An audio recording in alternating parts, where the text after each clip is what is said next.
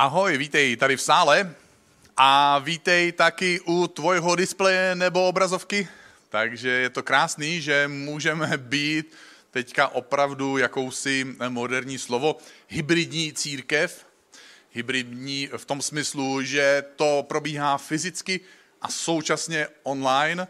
A já přeju vám tady v sále i vám u vás doma, abyste mohli prožívat to, co já jsem prožil před pár okamžiky, když během toho, co doznívala ta píseň a během toho, co Lukáš se modlil a během toho, co mluvil, tak jsem na chvíli zavřel oči a říkal jsem si, bože, to je úžasný, protože si můžu uvědomit, že jsi tady, že jsi v mojem životě, že jsi na tom místě, kde já právě teď jsem a Bůh je s tebou, ať už tady v sále, nebo u tebe, u tvojho monitoru nebo displeje. Otázka je, jestli dovolíš jemu a sobě si uvědomit, že tohle se právě teď děje že možná zažíváš ve svojí mysli nějaké nové myšlenky, které si doposud nezažíval. Že možná ve svých emocích, pocitech zažíváš nějaké emoce, které si možná už delší dobu neprožil. A že dohromady to vytváří jakýsi zvláštní mix, kdy ty jsi přitahovaný nějakým způsobem k Bohu a říkáš si, co kdyby Bůh byl. Co kdyby Bůh ke mně dneska chtěl mluvit? Co kdyby Bůh si chtěl tenhle čas použít k tomu, aby něco v mém životě vyvolal, aby něco v mém životě odstartoval, aby něco úžasného, božího v mém životě začalo. Takže jsem nadšený a ani se za to nebudu omlouvat. Naopak ti přeju, aby si něco podobného mohl prožívat ty ve svých myšlenkách, ve svých emocích a v tom svém duchovním nitru, který tě někam táhne. A my máme před sebou předposlední díl série, která se jmenuje Relationship Goals. Jmenuje se to vztahy, eh, cíle ve vztazích a to znamená, že za chvilku se k tomu dostanu, protože dneska budeme mluvit na téma sex container, neboli hranice sexu. A začnu zvláštním způsobem, a to tím, že vám ukážu nejdřív jednu fotku. Jeden z autorů bestsellerů a mnoho koučů dneska začíná svoji přednášku nebo svoji výzvu pro lidi tím, že řeknou, začni, když něco plánuješ, když po něčem toužíš ve svém životě, když si snažíš udělat nějaký cíl, začni myšlenkou nakonec. Teď si možná říkáš, jak tenhle obrázek souvisí se sexem. Tak mám na to 30 minut, abych to vysvětlil. Ale předpokládám, že ta, tak, nebo takhle, tahle série je důležitá. Pro tu větší část lidstva a tím předpokládám pro mnohé z nás, pro tebe tady v sále, pro tebe u tebe u tvého displeje nebo monitoru. Protože za normálních okolností, jestli tam můžeme tu fotku ještě dát jednou, prosím, za normálních okolností většina z nás touží po něčem, co tenhle obrázek reprezentuje. My toužíme potom mít celoživotní, romantický, uspokojující, bezpečný, zrušující a všechny tyhle přívlastky úžasný celoživotní vztah. A je těžké něčeho takového dosáhnout, něčeho tak krásného a vznešeného, pokud, se něco, pokud si tohle nedáme za svůj cíl, to se náhodou nestane. A je těžké něco tak krásného a vznešeného dosáhnout, pokud se nenaučíš být single. O čem jsme mluvili v prvním díle téhle série. Pokud nenajdeš schopnost vidět rozdíl mezi láskou, mezi romantikou a mezi vášní, o tom jsme mluvili minulou, před minulou neděli, pokud si neuvědomíš, že každé tvoje životní období, i ty hezčí, i ty těžší,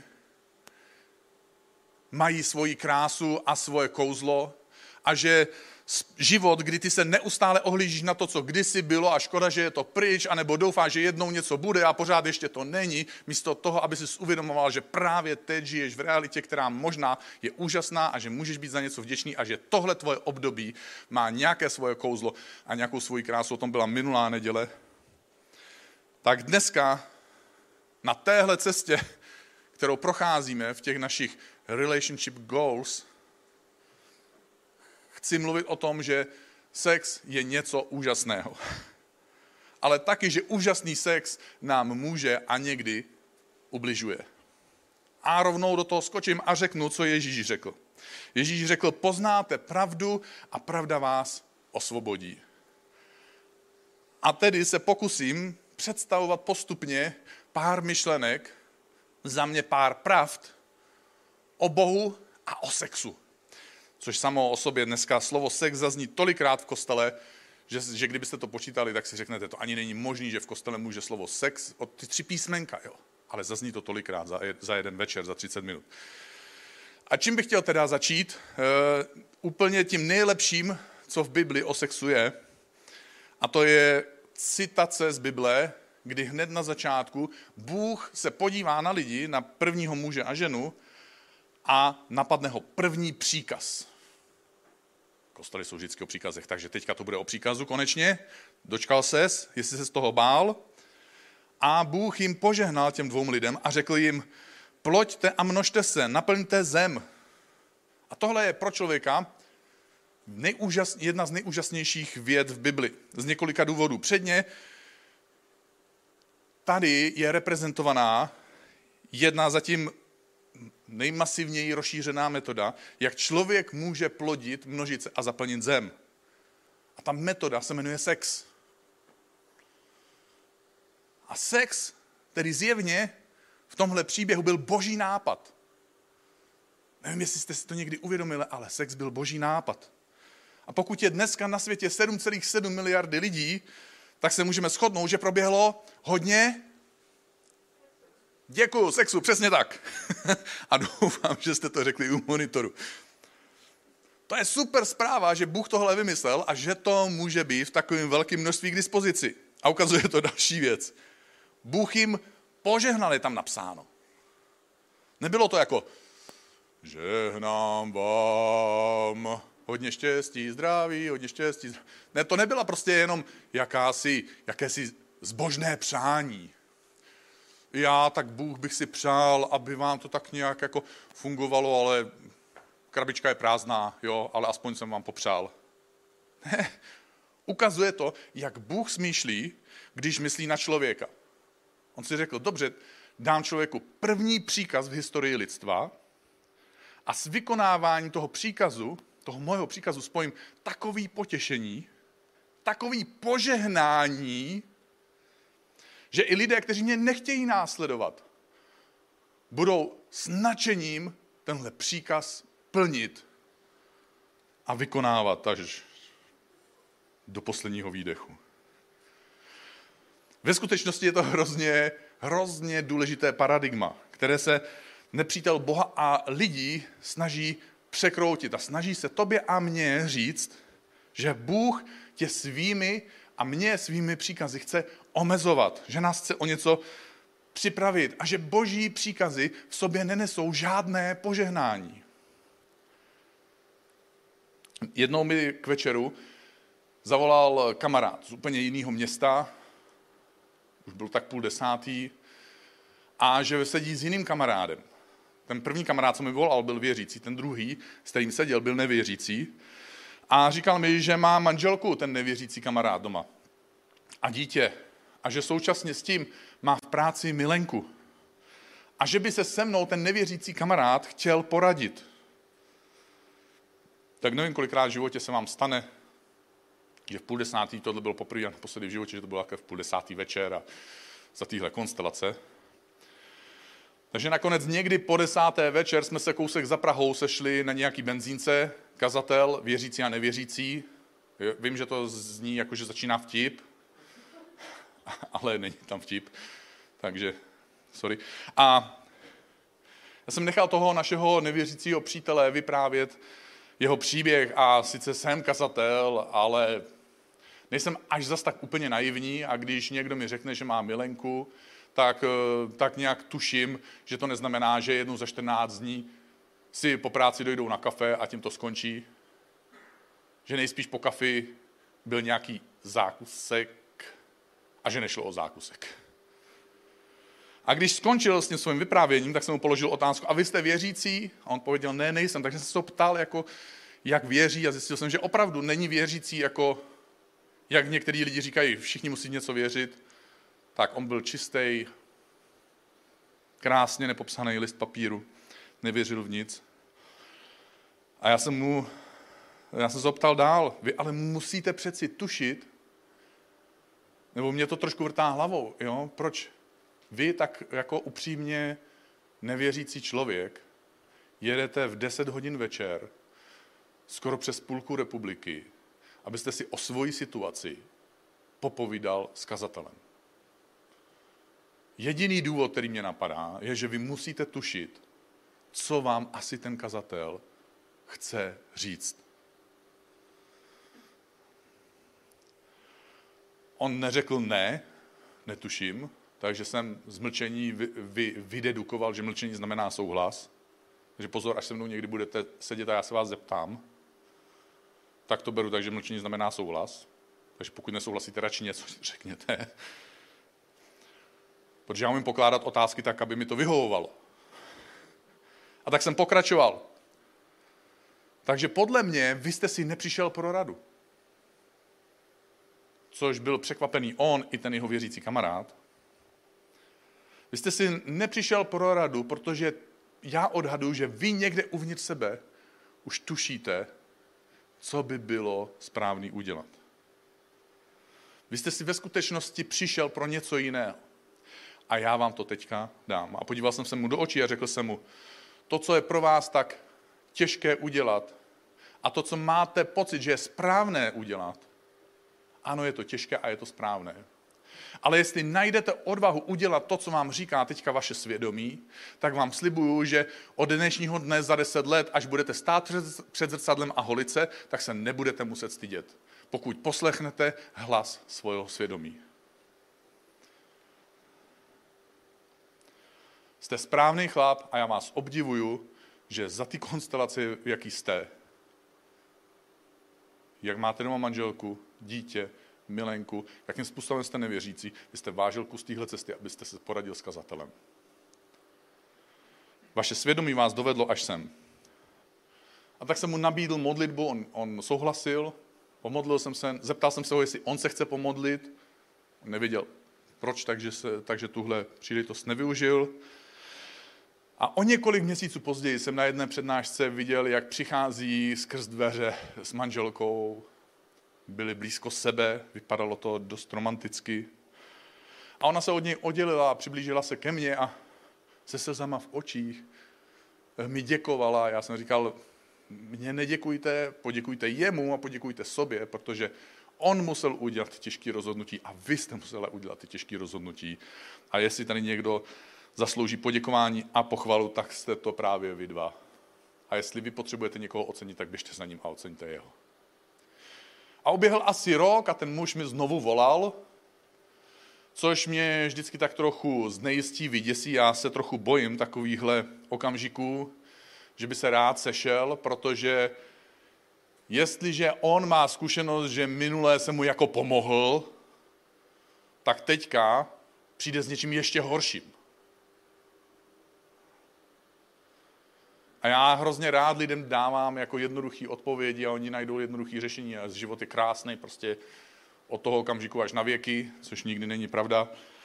Takže rád poskytuju snadné řešení a takováhle telefonát hrozí tím, že tam nebude snadný řešení. A on mi na schůzce vyprávěl, jak se to jejich manželství, jak oni na něm zapracovali, jak se každý snažil, vycházeli si vstříc, přehlíželi prostě různé věci, aby to dobrý mohlo dostat prostor a a dopracovali se opravdu do něčeho krásného, akorát říkal, že má jeden malý, velký problém. Že ta kolegyně, ta jeho bývalá milenka, ona dál chodí do stejné práce. A že je pro něj těžké se tam s ní každý den výdat. A já jsem chvíli, mně se to někdy stává, možná, že to mnohý překvapí, ale já jsem eh, neměl slov a měl jsem v hlavě prázdno protože za normálních okolností já mám co říct. Neustále. Mám dokonce dvě myšlenky na jedno a můžu odbočit ze své odbočky, protože mám tolik myšlenek v hlavě. Ale pak se najednou stane, že je tam prázdno. A v té temnotě, to je taková temnota do všech stran vesmíru, toho vnitřního, a vy tam sedíte, koukáte na toho člověka, on teďka řekl všechno, co potřeboval říct, a teď je řada na vás. A když tam nemáte nic, tak kde nic není, ani prostě kazatel nebere Ani skokan nebere, prostě konec konců, konec. A v té tmě se objeví taková bílá tečka, jakoby, ona se takový světýlko, ono se začne zvětšovat, když se promění v myšlenku a ono to jako k vám dorazí. Já takovýhle okamžiky považuji za boží okamžiky, že Bůh mi něco říká, protože jsem já v koncích. A položil jsem mu otázku. Vy budete v téhle firmě pracovat ještě 40 let, nebo 20, nebo tam budete pracovat navždycky, protože předpokládám, že v téhle práci nebudete pracovat až do důchodu, nebo jo? A on říkal, no určitě ne, tak prostě 40 let určitě pochybuju, 20 taky nejspíš ne.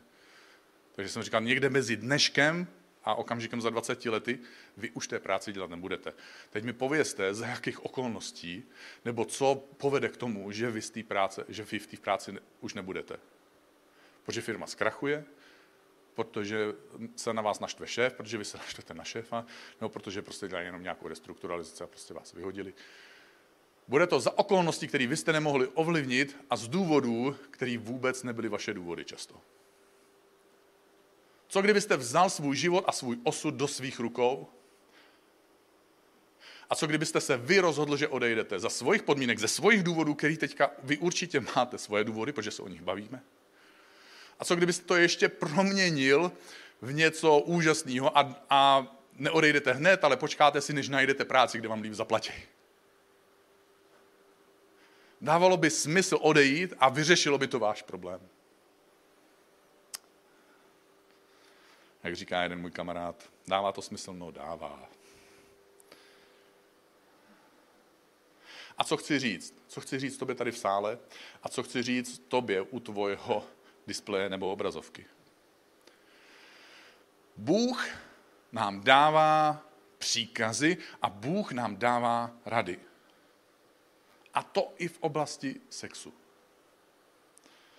ale my jsme někdy podlehli a dokonale pokračujeme v podléhání dojmu, že boží příkazy a boží rady v sobě nenesou boží zájem o blaho člověka, o blaho tvoje a o blaho moje.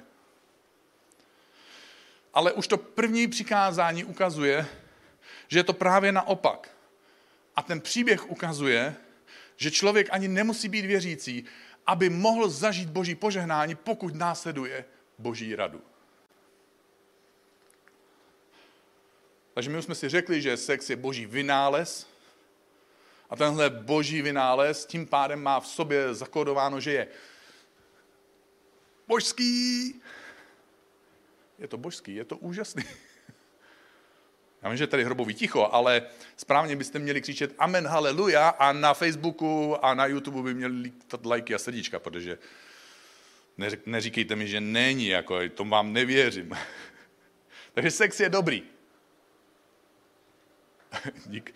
Jo, jedno amen, takový opatrný. Ale díky, já jsem za ně vděčný, já jsem vděčný teďka za hodně. Málo, i když prostě to bylo super, díky za odvahu. Protože to chce kuráž takovýhle, v takovýhle chvíli říct amen. A vždycky, když Bůh něco stvořil, když si čtete první kapitolu v Bibli, když Bůh něco stvořil, tak řekl, že je to dobré. Ano, teď jsme se shodli i tady a doufám, že i s váma na internetu. Takže sex Bůh stvořil a v podstatě říká, že je to dobré. Sex není nutné zlo, které je, nutné, které je potřeba podstupovat k tomu, aby docházelo k rozmnožování lidstva. Sex je něco, čím Bůh člověku požehnal. A tím se dostávám k předposlední a současně trochu kontroverzní myšlence v tématu sexu. A poštol Pavel o sexu napsal – on má celý takový seznam sexuálních záležitostí. Bible je celkově jako zajímavá. Začíná sexem, pak je tam celá jedna kniha o sexu, kde muž popisuje ženě různý tělesní partie, obdivuje je tam textově, jako krásně je popisuje. Když to čtete, jak si říkáte, kam jsem se to dostal, jsem si vyměnil tady Bibli za nějakou jinou knihu. A pak se dostanete do nového zákona a poštol Pavel mluví o sexu. A když eh, to všechno tak probere, tak to uzavře myšlenkou, všechno smím. To zní dobře, že? A budíš, ale ne všechno je prospěšné. Aha, tududum. A všechno smím, ale ne, niči, ne, ničím z toho se nenechám ovládnout. Mě před týdnem někdo upozornil, když jsem oznamoval tady z podia, že příští neděli se dopracujeme k tomu tématu hranice sexu, že, to, že ten název hranice sexu není tak sexy a že to nezní tak pozitivně. A si řekl, no, to je jako pravda, tak to budu muset ještě nějak jako přepracovat a pak to nějak jako uchopím a uvedu to jako jinak. A pak jsem se připravoval, psal jsem si myšlenky, modlil jsem se a přisuzuju tu myšlenku, která přišla, přisuzují Bohu. Ale Bůh přeci stvořil sex. A nejenom to, Bůh ho stvořil jako dobrý, tak prostě všichni to chtějí. Bůh člověka požehnal tím, jak sex je dobrý. Proč já bych se měl bát toho, že Bůh, který stvořil sex a Bůh, který stvořil dobrý sex, má ten, pro ten úžasný sex nějaké hranice, aby ho udržel dobrým. Co když ten takhle dobrý Bůh, který vymyslel takhle dobrou věc, která je takhle opravdu úžasná, když k ní vymyslel hranice, co když jsou pro moje dobro?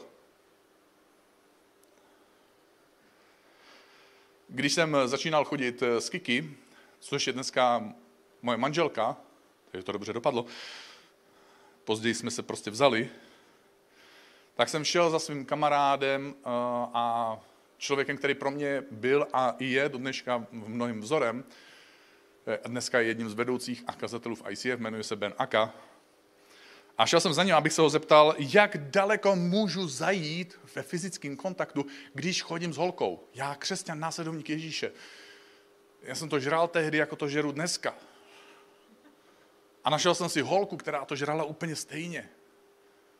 Ale říkal jsem si, no, ale já jsem kluk, ona je holka, jo? Bůh to stvořil, tak prostě kde to, jak to je. Teď jsem si to chtěl udělat pořádek.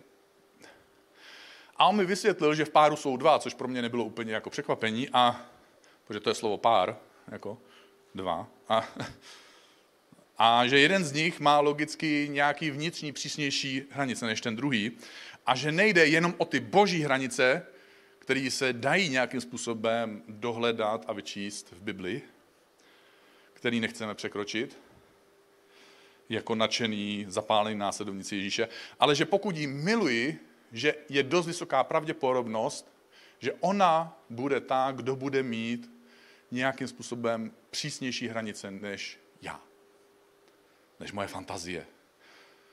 A že jí, pokud ji miluji, takže ji nechci nutit, aby překročila kvůli mně svoje hranice, ale že chci nutit sebe, abych já nepřekračoval, nepřekračoval její hranice.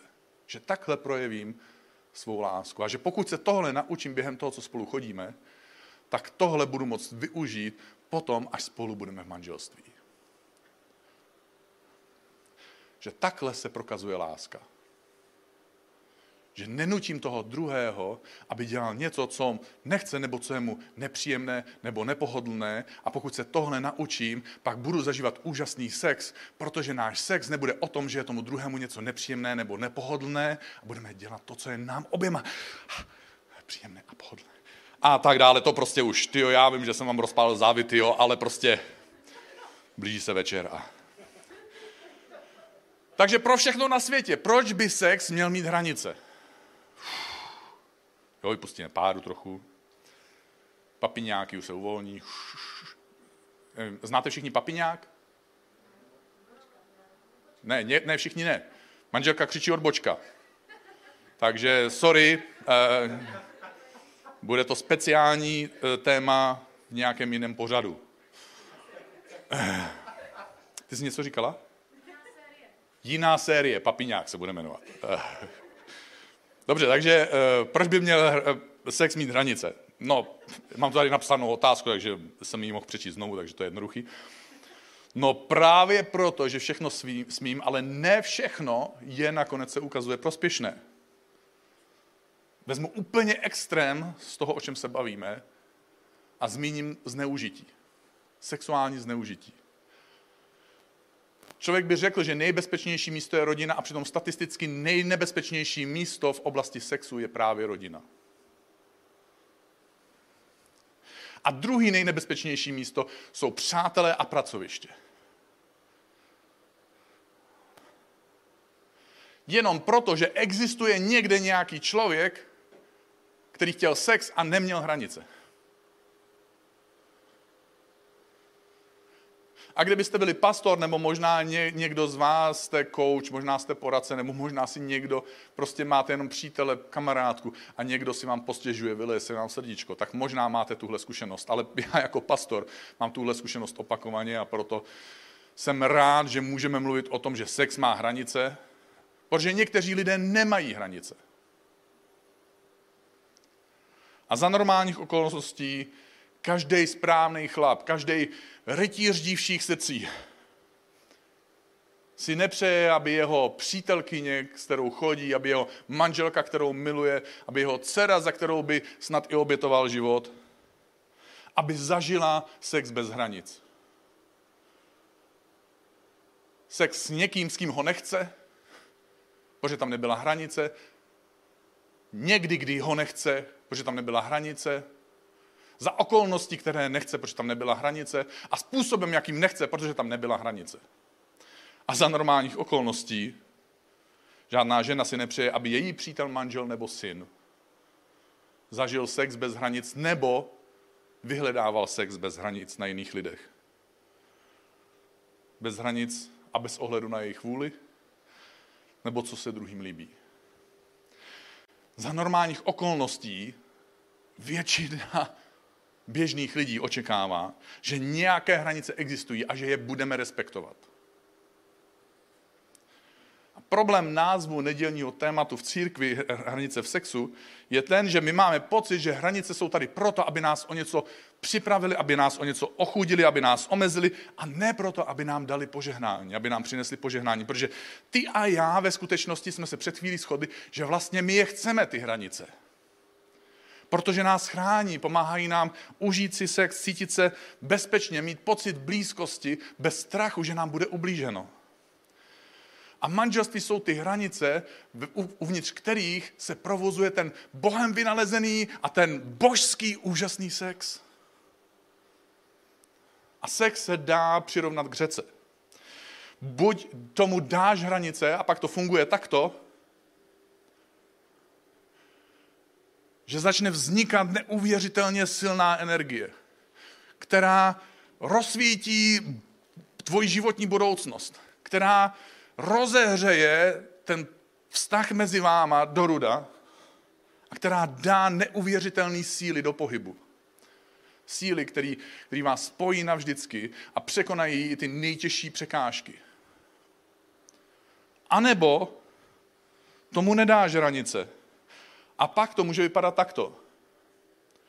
Stane se, že to zničí tvůj domov a že když si nedáš pozor, tak to současně zničí i domov a bezpečí někoho z tvojich bližních. Problém je v tom, že my se sice shodneme, že sex má mít hranice, ale nechceme Bohu dovolit z důvodu, který už jsem zmínil, aby to byl On, kdo nám stanoví ty hranice. Chceme to být my, kdo si stanovíme ty hranice, protože se bojíme, protože jsme uvěřili lži, že boží hranice pro nás nepřináší žádné požehnání. A pokud ano, tak to malinký požehnáníčko, který nám ty hranice přinášejí, jsou nesrovnatelně malinký s tím požehnáním, který dostaneme, když ty hranice překročíme. Ale my si musíme vybrat, protože pokud jsme to my lidé, kdo stanovuje hranice, pak souhlasíme s tím, že i druzí lidé si můžou stanovovat ty hranice. A potom nemáme právo se na ně zlobit, že oni si stanovili jiné hranice, než jsme si stanovili my, protože mají stejné právo stanovit si hranice, protože my jsme si také přivlastnili právo stanovit si hranice. A tohle, tahle myšlenková konstrukce má svoje následky. A my nemůžeme pokračovat v tom dosáhnout jiných cílů, pokud používáme stále stejnou metodu. Takže musíme přepsat rovnici, aby jsme dostali jiný výsledek za rovnítkem. A je to jako přiježdění autem. Buď existují jedny pravidla, všichni je dodržují a pak se dá více méně jezdit bezpečně, A nebo si každý z nás na silnici vytvoříme svoje pravidla, ale pak se nemůžeme divit, že je tolik nehod a tolik zraněných. Vítej v realitě.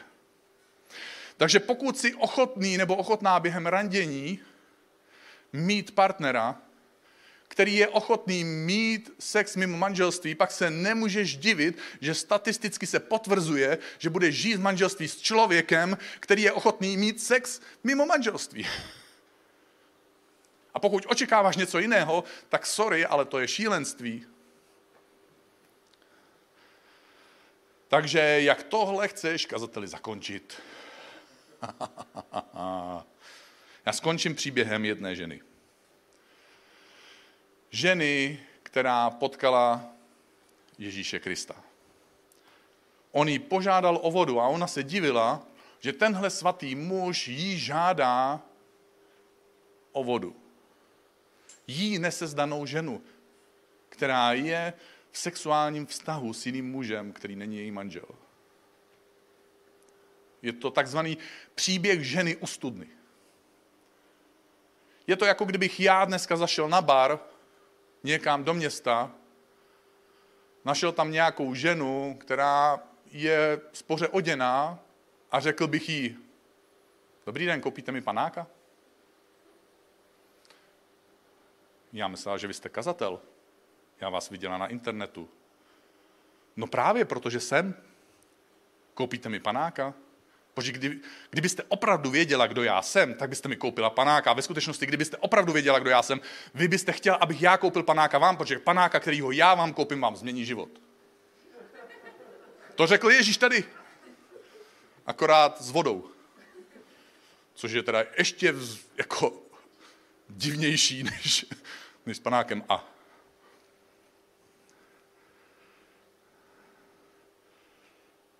Ona se diví, jak to, že se s ní baví, když ona žije s mužem a není s ním sezdaná, když on je tak svatý muž. A on jí na to říká, správně si řekla, že jsi bez muže, protože ten, s kterým jsi, není ani tvůj manžel.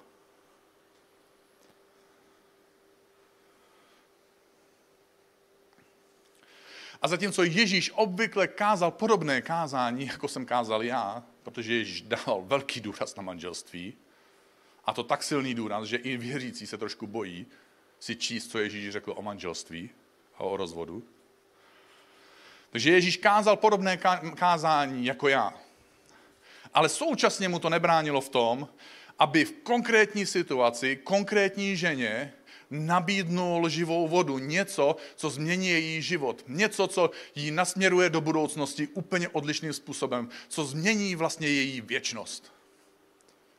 Živou vodu, která pramení ze srdce věřícího, pokud ten člověk přijde tak blízko k Ježíši, vydá mu svůj život a řekne Ježíši, tady jsem, vezmi si všechno, všechny moje krásné věci, které jsem udělal, všechny moje selhání, vezmi si i moje hříchy, všechno to dávám, já přijímám to, že jsi za mě zaplatil a chci s tebou žít navždycky.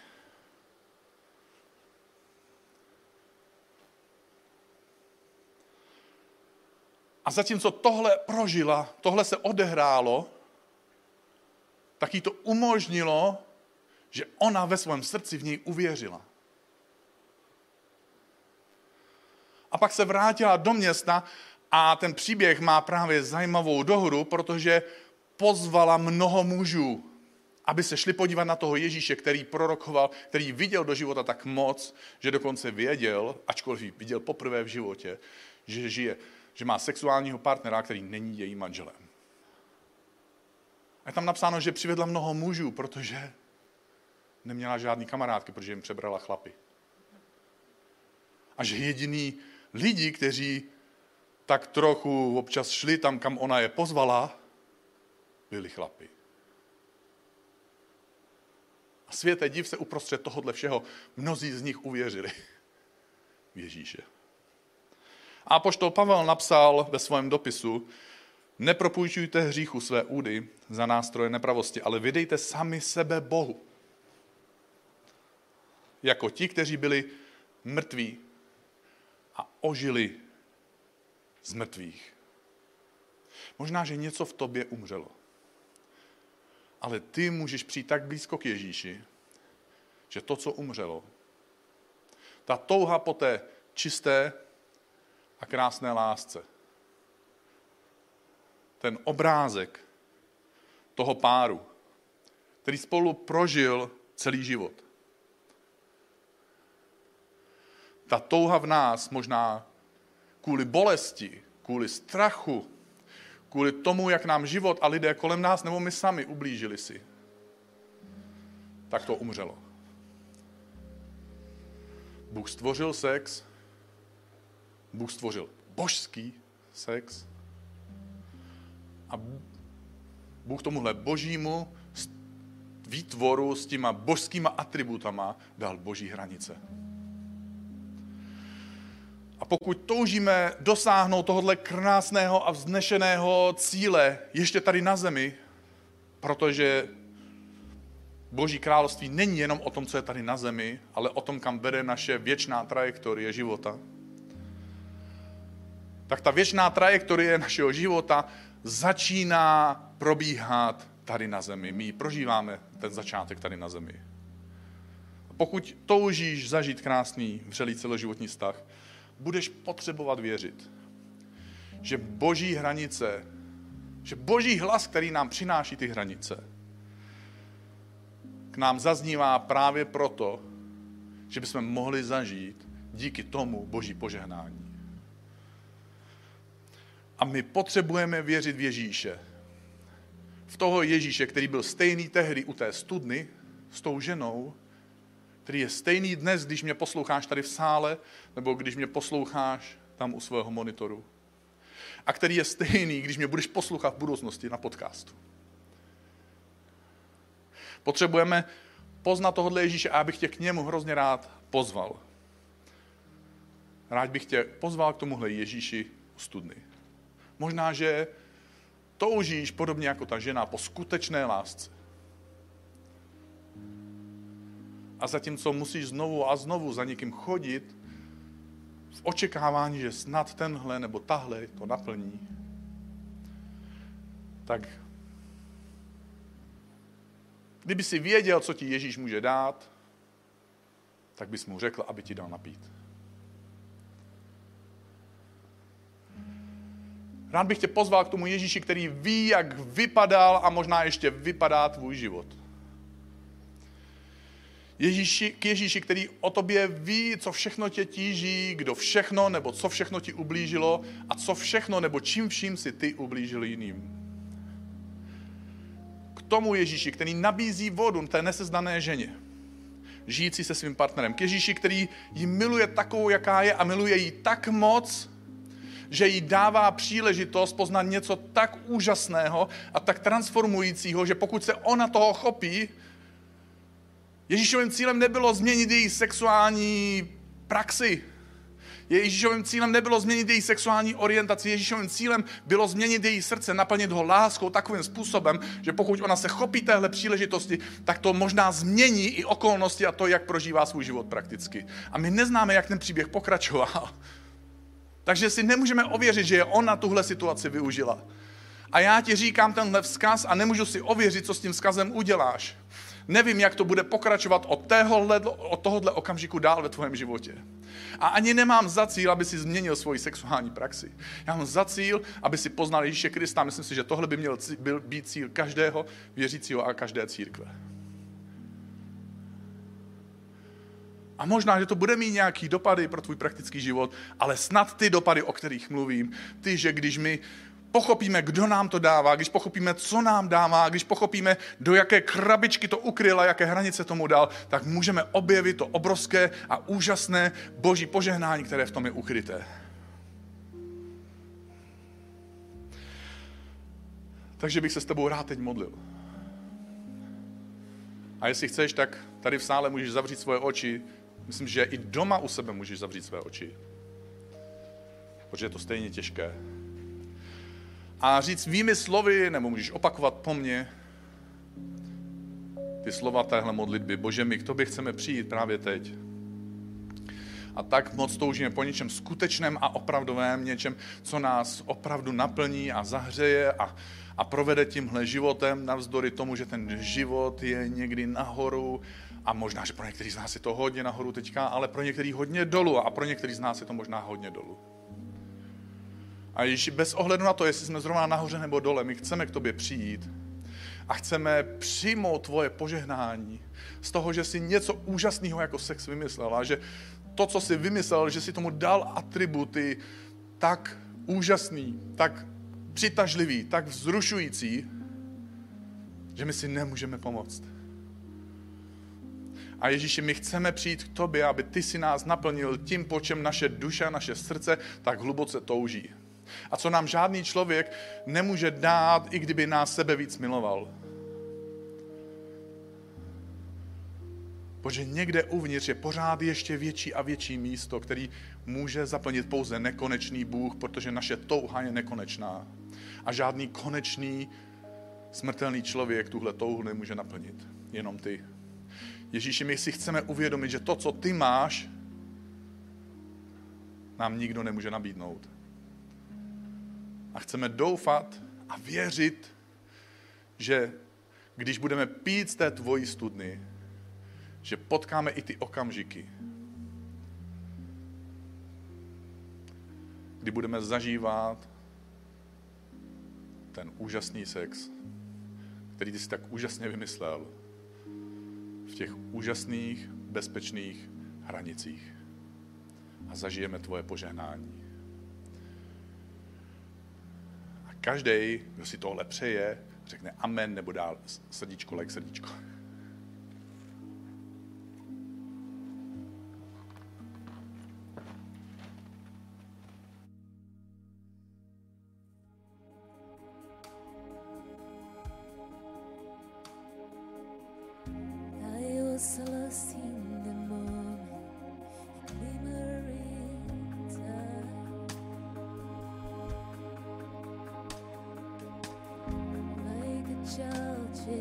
shadows.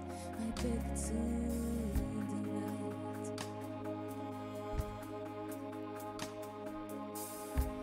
I was so lost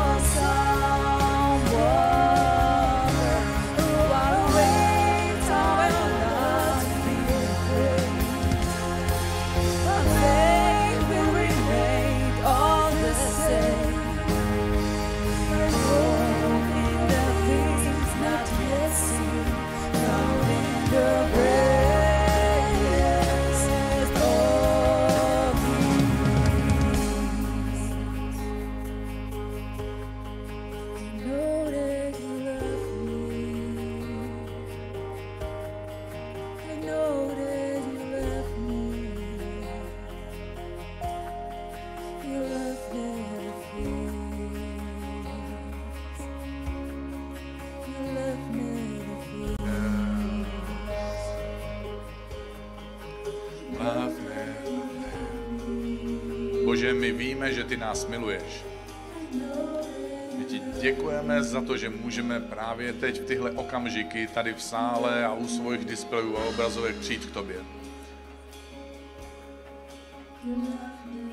A já bych tě vyzval, jestli chceš, pojď se se mnou postavit a pojď se se mnou modlit, ať už jsi tady v sále nebo u sebe doma. Protože bych se hrozně rád teďka společně s náma modlil za každýho z nás, tady v sále nebo u tebe doma, kdo prožil to, že někdo zlovolným způsobem vstoupil do tvého života a neměl hranice. A ublížil ti možná doživotně. A možná, že do konce života si poneseš emoce, pocity, obrázky a myšlenky, které nikdy nevymažeš. Rád bych se za tebe modlil, protože chci věřit, že když máš ty okamžiky, kdyby si nejradši možná zabil svoje vlastní tělo, kdy máš pocit, že si říkáš, bože, kde jsi? Bože, uprostřed mojeho rozbouřeného moře emocí a zkušeností a vzpomínek. Tobě je jedno, že zahynu? Tobě je jedno, že se topím? Abych se s tebou rád modlil, protože Ježíš je ti blízko. Ježíši, my ti děkujeme, že jsi uprostřed naší bouře, že jsi s náma uprostřed naší loďky. Že jsi uprostřed těch okamžiků, kdy se to houpe tak moc, že bychom nejradši zvraceli a možná se radši utopili, než aby jsme bojovali dál. Bože, chci se modlit a modlím se ve jménu Ježíše Krista za každého v tomhle sále a za každého, kdo nás sleduje právě teď v onlineu a za každého, kdo nás bude sledovat přes podcast. Modlím se, aby ty si byl aby jsme každý z nás mohli poznat a uvědomit si, že ty jsi uprostřed bouře s námi, že ty jsi ten, kdo nám pomáhá nést naše břemena, že ty jsi ten, kdo uzdravuje, že ty jsi ten, kdo posílá svého ducha do našich srdcí, do našich pocitů, do našich vzpomínek a zatímco my si poneseme možná do konce života břemena, my se můžeme obracet na tebe a volat ze svého srdce Ježíši, zachraň mě. Ježíši, tady ti dávám svoje břemena. Ježíši, já vím, že bych měl odpouštět, ale je to těžké odpustit něco, co je neodpustitelné. Ježíši, já chci přijít k tobě a nechci dělat věci ze svojí síly, protože už nemám žádnou sílu. Já už nemám, odkud bych bral nebo brala. Ježíši, chci přijít k tobě a pít tvoji živou vodu, chci ti dát svůj život a svoje srdce. A chci zažít zázrak tvojeho dotyku. Kdy ty si vzkřísil to, co umřelo. Kdy v nás možná umřela naděje. Naděje, že by nějaký vztah mohl být celoživotní, krásný, hřejivý, bezpečný. Kde bychom zažili skutečnou blízkost a intimitu. Krásu tvojeho požehnání. Blízkosti jiného člověka. Duchu svatý, ty jsi ten, kdo může uzdravit jakoukoliv ránu. Ty seš ten, kdo může jednat v našich srdcích a v našich myšlenkách. Bože, my dáváme svoje bolesti a svoje břemena ke tvým nohám. A chceme vzít na sebe to tvoje břemeno, břemeno lásky, břemeno naděje, břemeno budoucnosti, břemeno věčnosti, břemeno přijetí. Břemeno toho, že jsme tvoje děti, že si nás pozval do svojí rodiny, i když my se tak někdy necítíme.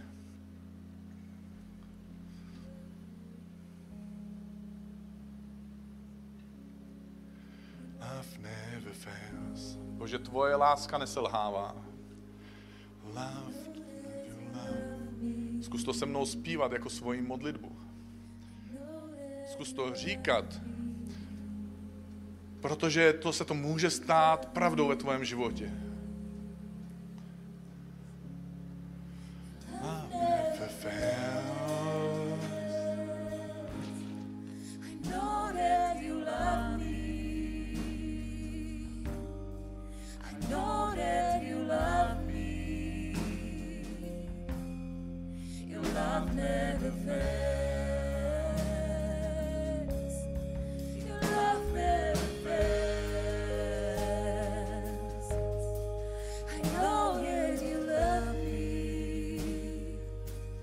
Ježíši, já vím, že mě miluješ. Ježíši, já vím, že mě miluješ. Tvoje láska nikdy neselže.